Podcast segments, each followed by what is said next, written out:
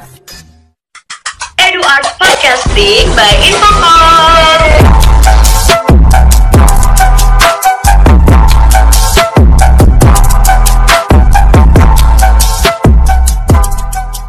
Assalamualaikum warahmatullahi wabarakatuh. Apa kabar teman-teman semua? Baik lagi dengan saya, Salsa Harnisa di Edu Art Podcasting by Infocom, yang kali ini sudah masuk ke episode 13.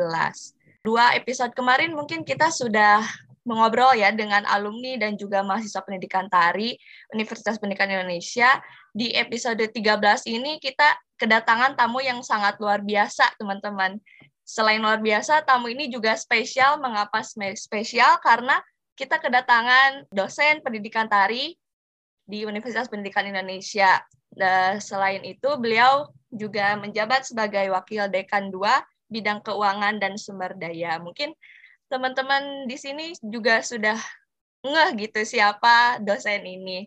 Ya baik, eh, di sini telah hadir bersama kita Ibu Dr. Trianti Nugraheni, MSI. Halo Ibu, apa kabar? Assalamualaikum. Ya, baik. Alhamdulillah.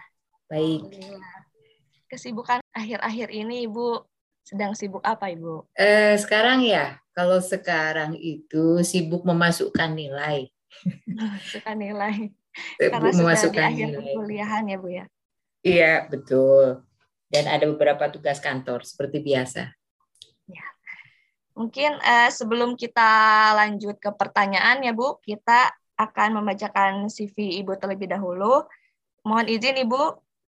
Ya, silakan. Ya, nama Dr. Trianti Nugraheni MSI. Mungkin apabila teman-teman semua perlu atau butuh dengan kontak Ibu, ada email yaitu trianti underscore nugraheni at upiedu.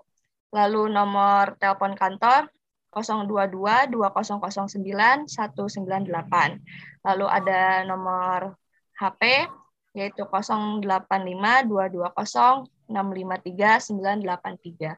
Adapun riwayat dari riwayat pendidikan Ibu Trianti menamatkan jenjang sarjana di ISI Yogyakarta Fakultas Seni Pertunjukan program studi jurusan seni tari lulus pada tahun 1995 lalu menamatkan gelar magister di Universitas Pajajaran Bandung Fakultas Ilmu Sosial program studi Sosiologi Antropologi lulus pada tahun 2001 lalu menamatkan jenjang doktoral di Universitas Gajah Mada Yogyakarta Fakultas Ilmu Budaya Prodi Pendidikan Seni Pertunjukan dan Seni Rupa tahun lulus tahun 2010.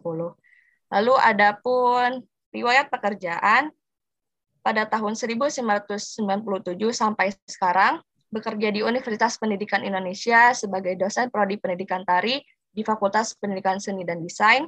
Lalu pada tahun 1997 sampai 1999 bekerja di Kupcas Mapta sebagai instruktur untuk anak tunarunggu Lalu pada tahun 1998 sampai 2008 bekerja di Pusat Penelitian dan Pengembangan Pendidikan Seni Tari Tradisional UPI sebagai peneliti.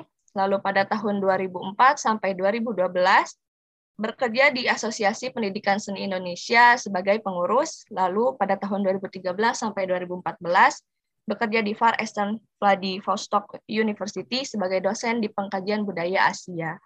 Baik, mungkin uh, CV dari Ibu Trianti sampai di riwayat pekerjaan. Selanjutnya mungkin kita akan langsung mengobrol mungkin ya Ibu ya. Oke, ya. Silahkan. Ya. Nah, Ibu beberapa hari yang lalu, beberapa hari ke belakang kami mengadakan survei Ibu di Instastory Instagram Himastar di himpunan mengenai pertanyaannya dalam survei tersebut kira-kira tari apa yang biasanya mahasiswa seni tari itu merasa kesulitan gitu Ibu atau merasa seperti takut gitu dengan mata kuliah tari ini. Kebanyakan dalam survei itu menyebut tari Bali, Ibu. Nah, kebetulan Ibu di sini uh, mengampu tari Jawa Bali, Ibu. Betul? Betul, iya. Ya. Nah, mungkin kita akan mengobrol tentang kenapa sih tari Bali itu susah, itu nanti ya Bu ya kita tahan dulu. Sekarang mungkin saya ingin bertanya Ibu, hmm. uh, menurut pandangan Ibu tari Bali itu seperti apa Ibu? Hmm, Tari Bali. Tari Bali seperti tari Bali ya. Agak susah jawabnya ya. Uh, tari Bali itu uh, sebetulnya tarian yang cukup dinamis ya. Uh, kalau kita mau tahu banyak tentang tari Bali, uh, tari Bali itu ada kalau jenisnya ada tiga ya. Ada jenis tari wali, kemudian tari bebali dan bali-balihan. Nah, yang kita pelajari itu tari bali-balihan. Artinya tari yang sudah untuk kepentingan pertunjukan. Kalau tari wali untuk ritual, kalau tari bebali itu sebetulnya uh, dipentaskan di pura tapi dia tidak berfungsi ritual gitu. Nah, kenapa? Itu uh, tari Bali ya dan dia berkembang di Bali dan terkenal sebetulnya hampir di seluruh pelosok begitu, bahkan di dunia. Nah, jadi kadang kalau uh, orang luar ditanya dari mana? Dari Indonesia? Suka. Belum tentu tahu ya Indonesia itu mana tapi kalau disebutkan Bali gitu, biasanya tahu dan apa-apa isi Bali itu biasanya cukup terkenal sesuai dengan nama kotanya begitu. Baik ibu. Lalu adakah ibu keunikan atau ciri khas dari tari Bali ini ibu? Iya tari Bali itu sangat menarik ya. Sangat menarik kenapa? Karena ada kejutan-kejutan kejutan-kejutan yang tercipta untuk membangun dinamisnya gitu ya.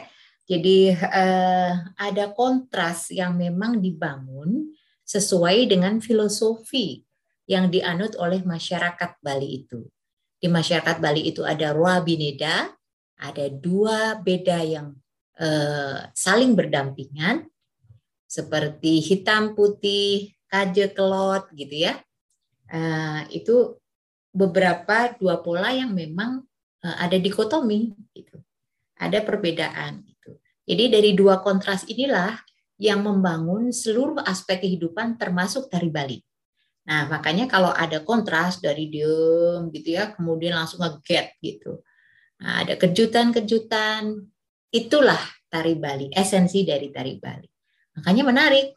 Jadi dia uh, kalau kita eh, monoton ya. Kalau melihat satu hal yang monoton itu akan eh, jadi bosan gitu ya. Tapi kalau penuh dengan kejutan, nah ini akan menarik dan terlihat dinamis serta energik gitu. Jadi pengolahannya luar biasa. Itulah menariknya tari Bali. Baik, Ibu. Mungkin dari gerak matanya juga ya, Bu ya, karena identik sekali gitu. Tari Bali itu dengan gerak matanya tiba-tiba melotot gitu ya, Bu ya. Nah, ya, ya betul. Jadi memang kalau uh, sekarang perkembangan sekarang uh, setelah ada kebiar, nah itu yang uh, uniknya bukan unik ya. Salah satu keunikannya wujud dari kontrasnya itu di mata gitu. Di mata, di gerak mata. Tetapi pondasi semuanya itu ya kontras tadi sebetulnya kontrasnya. Dan memang uh, cukup menyedot energi ya karena mengolah energi dari eh, lambat ke cepat gitu dari tenang kemudian ke keras gitu ke lemah dari lemah ke keras itu kan perlu pengolahan energi yang luar biasa. Nah baik ibu dari sekian banyaknya tari ya Bu yang ada di Bali, menurut Ibu sendiri tari apa Ibu yang cocok dipelajari bagi pemula Ibu? Untuk pemula ya, kalau untuk pemula itu bisa pakai sebetulnya bisa pakai rejang ya atau pendek. Nah, memang pada awalnya eh, rejang atau pendet itu ditarikan oleh seluruh masyarakat gitu ya. Jadi eh, awalnya dia tari wali. Jadi kalau misalnya dia eh, ke pura itu siapa pun bisa menari itu gitu. Nah, akhirnya mulai ada kebiar pendet tari pendet yang tadinya tari wali itu kemudian dibakukan. Nah, jadi yang uh, berkembang pendet-pendet yang seperti ini. Kenapa itu uh, bagus untuk pemula? Karena ada beberapa pose, gerak, motif dasar yang harus dikuasai oleh penari gitu. Itu kalau untuk putri pendetnya. Nah, kalau untuk putra bisa Eh, baris ya, baris juga awalnya tari wali sebetulnya. Nah, kalau misalnya menguasai tari baris, berarti paling tidak dia siap untuk uh, repertoar yang selanjutnya, repertoar tari Bali yang se uh, selanjutnya. Jadi tubuhnya sudah uh, beradaptasi begitu ya dengan gerak-gerak uh, tari Bali. Gitu. Ya, baik Ibu. Berarti tarian cocok untuk putri mungkin tari pendek dan untuk putra hmm. itu tari baris. Betul. Ya, baik. Selanjutnya kita ke topik utama hari ini, Ibu. Pendapat yeah. mengenai pandangan mahasiswa dan mahasiswi yang menganggap tari Bali itu sulit dipelajari, menurut Ibu itu memang benar nggak sih, Ibu, tari Bali itu sulit? Betul, sulit. Ya, betul sulit. Kenapa uh, sulit? Karena diperlukan teknik yang cukup rumit. Ya, teknik geraknya cukup rumit. Pertama, kalau misalnya pemula dan dia di luar kultur Bali, pasti dia akan belum familiar dengan beberapa kosa gerak atau koreo yang uh, ada pada tari Bali ya. Itu pasti. Nah, artinya kalau belum pernah melihat paling tidak belum ada gambaran begitu. Artinya mesti step by step gitu. Nah, uh, secara tekstual uh, selain geraknya berbeda, pengolah pengolahan energi, ya, pengolahan ruang, pengolahan tenaganya juga sangat berbeda dengan kultur Sunda misalnya. Kultur Sunda eh, memang dinamis, tapi dinamisnya berbeda dengan dinamisnya Bali, begitu. Nah itu kan harus dibangun dulu. Misalnya, kalau misalnya gong, gong di eh, goong ya, kalau gerak kita selesai di, eh, misalnya pas ke goong, ke bunyi goong. Nah, kalau di Bali tidak, sekian second dia sekian detik itu mendahului gong, ya, mendahului bunyi gong. Ya, artinya itu untuk membuat aksen. Tentu saja itu berbeda. Itu dari sisi irama misalnya. Kemudian kalau dari sisi teknik, teknik itu eh, Bali itu banyak menggunakan desain eh, desain lengan yang eh, jadi lengan atas ya, lengan atasnya itu ke samping kanan kiri biasanya. Nah, jadi naik biasanya setara atau sama dengan bahu, rata dengan bahu. Nah, ini nggak gampang gitu. Ini nggak gampang juga. Kemudian itu dari sisi lengannya. Kemudian dari sisi torso. Torso itu kalau di Sunda itu mungkin apa ya namanya hanya mayu gitu ya ke depan aja gitu. Nah, kalau Bali itu mayu dan, cengket. Artinya ada dua belikat yang harus ditahan di di didekatkan dua belikat yang di belakang itu. Nah, ini kan perlu perlu latihan juga gitu ya. Nah, belum lagi gerak-gerak yang kalau rempuh hampir sama ya, mendaknya itu hampir sama. Tetapi memasukkan kontras tadi dalam gerak itu nggak gampang. Nah, kemudian karena Bali awalnya memang eh, keratonnya cukup eh, kuat gitu ya, jadi eh, beberapa aturan baku itu masih eh, berlaku seperti Jawa begitu. Seperti Jawa yang punya aturan baku yang ketat begitu. Jadi memang eh, untuk memperoleh itu mendapatkan tekniknya tidak mudah. Tapi saya yakin kok kalau kita step by step mulai dari kaki, kemudian torso, lengan, dan kepala itu dilatih sedikit-sedikit, dibiasakan, ya insya Allah bisa. Nggak ada yang nggak bisa. Begitu. Tapi memang kalau untuk pemula yang beda kultur, perlu waktu yang lebih lama dibanding dengan orang Bali asli ya, pemula tapi orang Bali misalnya. Itu akan lebih mudah karena dia sudah familiar gitu. Kalau yang di luar kultur berarti perlu waktu lebih lama. Begitu. Ya, baik Ibu. Lalu semenjak Ibu atau selama Ibu mengajar eh, mata kuliah Jawa ataupun sekarang Bali, adakah Ibu mahasiswa yang langsung mengeluh gitu ke Ibu kayak, Ibu saya tidak bisa atau Ibu capek gitu, Bu pegal karena kan tangan Bali tuh ya harus benar gitu Ibu tekniknya. Adakah Ibu hmm. mahasiswa atau mahasiswi yang langsung mengeluh gitu ke Ibu? Hmm, kalau seingat ibu, mungkin itu spontan ya, tapi bukan keluhan sih. Hanya spontan menyebutkan panas kata kata mereka itu. Kalau misalnya, duh panas bu, gitu. gitu.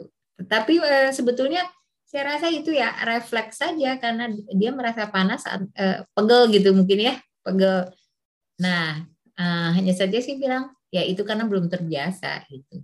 Jangankan kalian, ibu pun kalau mengajar tari Bali itu kan sebetulnya setahun sekali.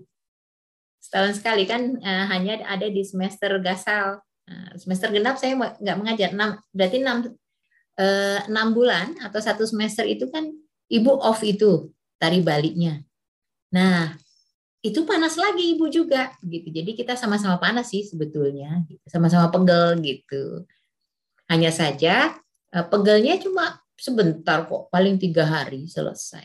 Kalau sudah tiga hari itu terus berlatih, ya nanti sudah terbiasa gitu. Biasa penumpukan asam laktat. ya. Baik Ibu. Lalu adakah Ibu tips atau cara mudah Ibu mempelajari tari Bali ini Ibu? Eh ya, kalau praktik atau skill ya, kita itu resepnya hanya berlatih, berlatih, berlatih. Nah, itu eh, prinsip dasarnya berlatih, berlatih, berlatih. Artinya saya bilang tiga kali itu berlatih pertama itu berlatih supaya akrab gitu dengan eh, apa bentuk koreonya. Kemudian berlatih yang kedua itu sudah masuk ke teknik ya. Sudah masuk ke teknik. Kalau tadi hafal dulu, yang kedua tekniknya harus betul. Nah, yang ketiga mencari kenikmatannya gitu. Jadi setelah tekniknya ketemu, dicari ini pola ini nikmatnya seperti apa gitu.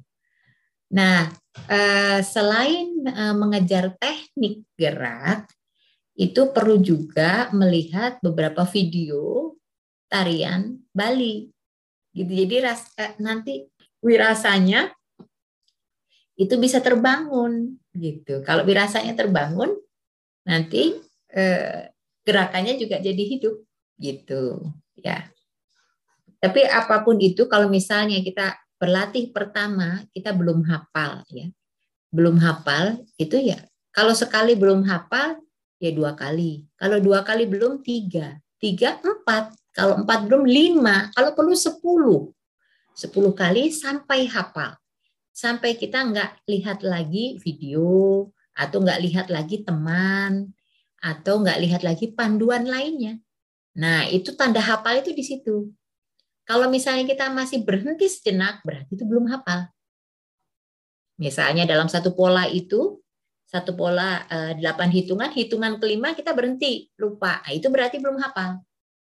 Terus kejar sampai hafal, gitu ya. Jadi Eh, berlatih pertama untuk menghafalkan itu itu tidak hanya dua kali terus selesai begitu tapi dicoba jangan hanya dilihat karena ini berlatih gerak dicoba dicoba digerakkan nah nanti berlatih kedua baru kita cari kok belum enak ya ini belum pantas ya belum pantas belum luas berarti tekniknya belum benar itu pasti itu bisa dipastikan kalau belum luas itu karena teknik atau belum enak, itu karena tekniknya belum betul.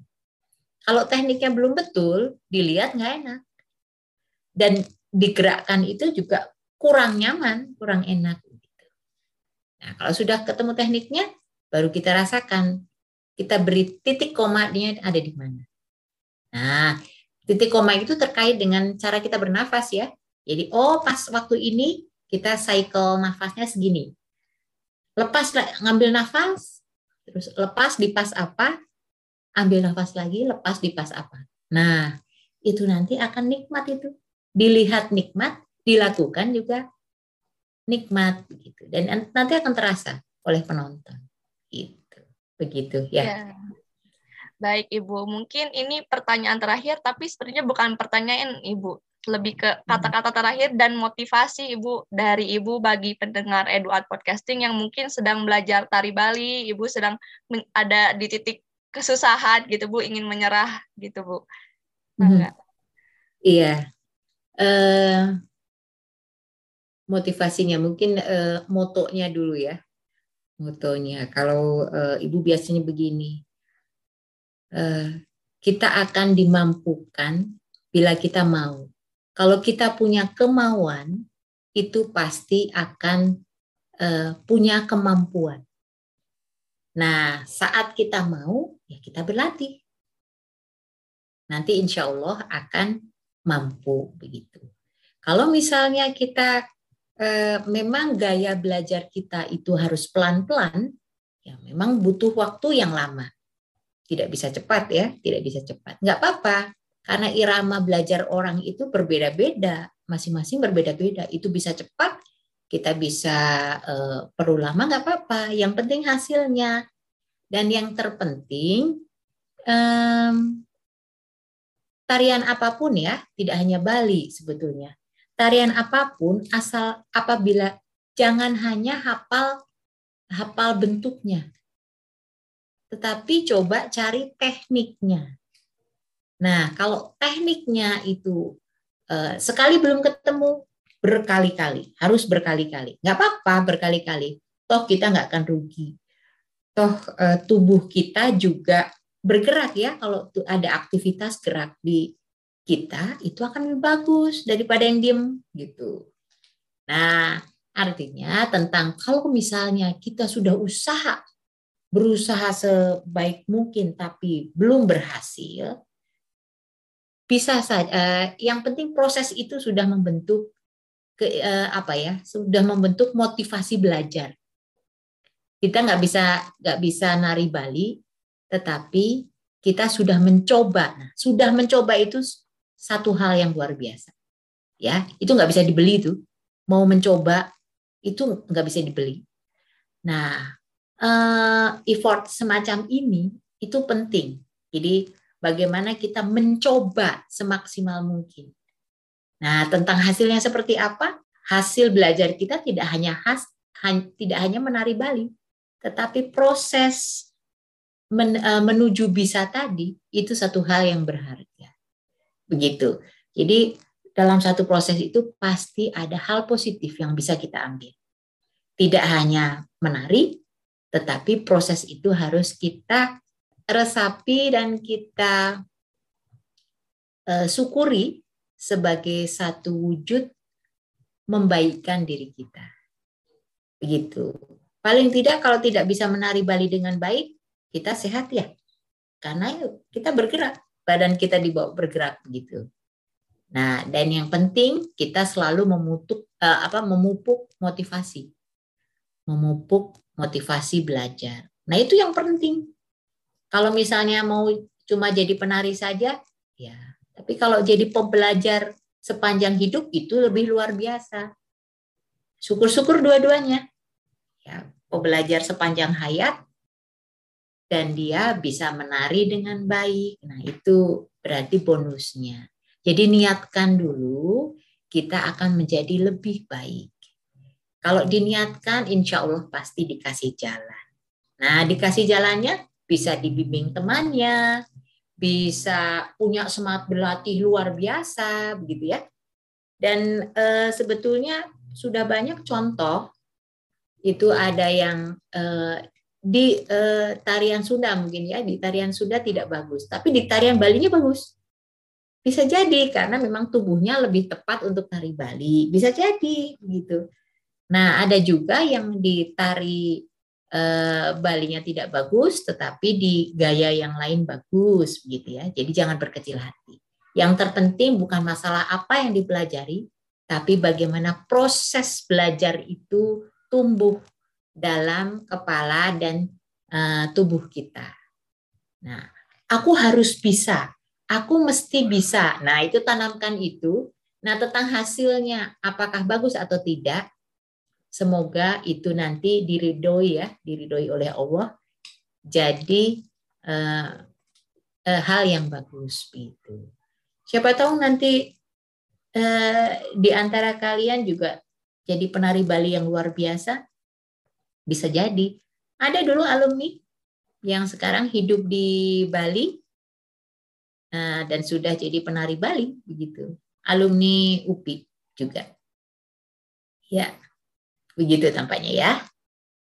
Baik Ibu, luar biasa ya teman-teman dari pernyataan Ibu memang ya Ibu tari Bali itu sulit, tetapi apabila kitanya terus berlatih, berlatih, berlatih, berlatih mengakrabkan diri dengan tariannya, lalu menguasai tekniknya dan juga mencari kenikmatan dalam tariannya, yang paling penting itu bersabar dengan prosesnya mungkin ya Bu ya. Betul. Ya, ya. bagus ya. Bersabar, saya setuju itu. Ya. ya. Baik Ibu. Nah mungkin cukup sekian, mungkin Ibu karena kita sudah tahu gitu, oh menurut Ibu juga tari Bali ini sulit gitu Bu. Jadi kita juga harus banyak berlatih, banyak memotivasi diri gitu untuk bisa uh, menguasai tari Bali. Setidaknya kalaupun tidak tidak bagus gitu dalam menarinya, kata Ibu tadi kita dapat kesehatannya gitu Bu dari berlatihnya. Iya betul. Ya, ya semoga Baik, bisa jadi pertimbangan ya. Ya. Pertimbangan Baik. motivasi. Ya, baik Ibu, terima kasih sudah menyempatkan waktunya Ibu untuk berbagi ya. pengetahuan dan pengalamannya di Eduard Podcasting ini. Semoga Ibu tetap sehat selalu Ibu. Amin, amin. Sukses, ya, ya, terima kasih. Terima kasih Ibu. Ya, sami-sami. Ya. Bu, mangga. Saya Salsa Harunisa pamit undur diri. Sampai jumpa di Eduard Podcasting by Infocom episode selanjutnya. Wassalamualaikum warahmatullahi wabarakatuh. Waalaikumsalam.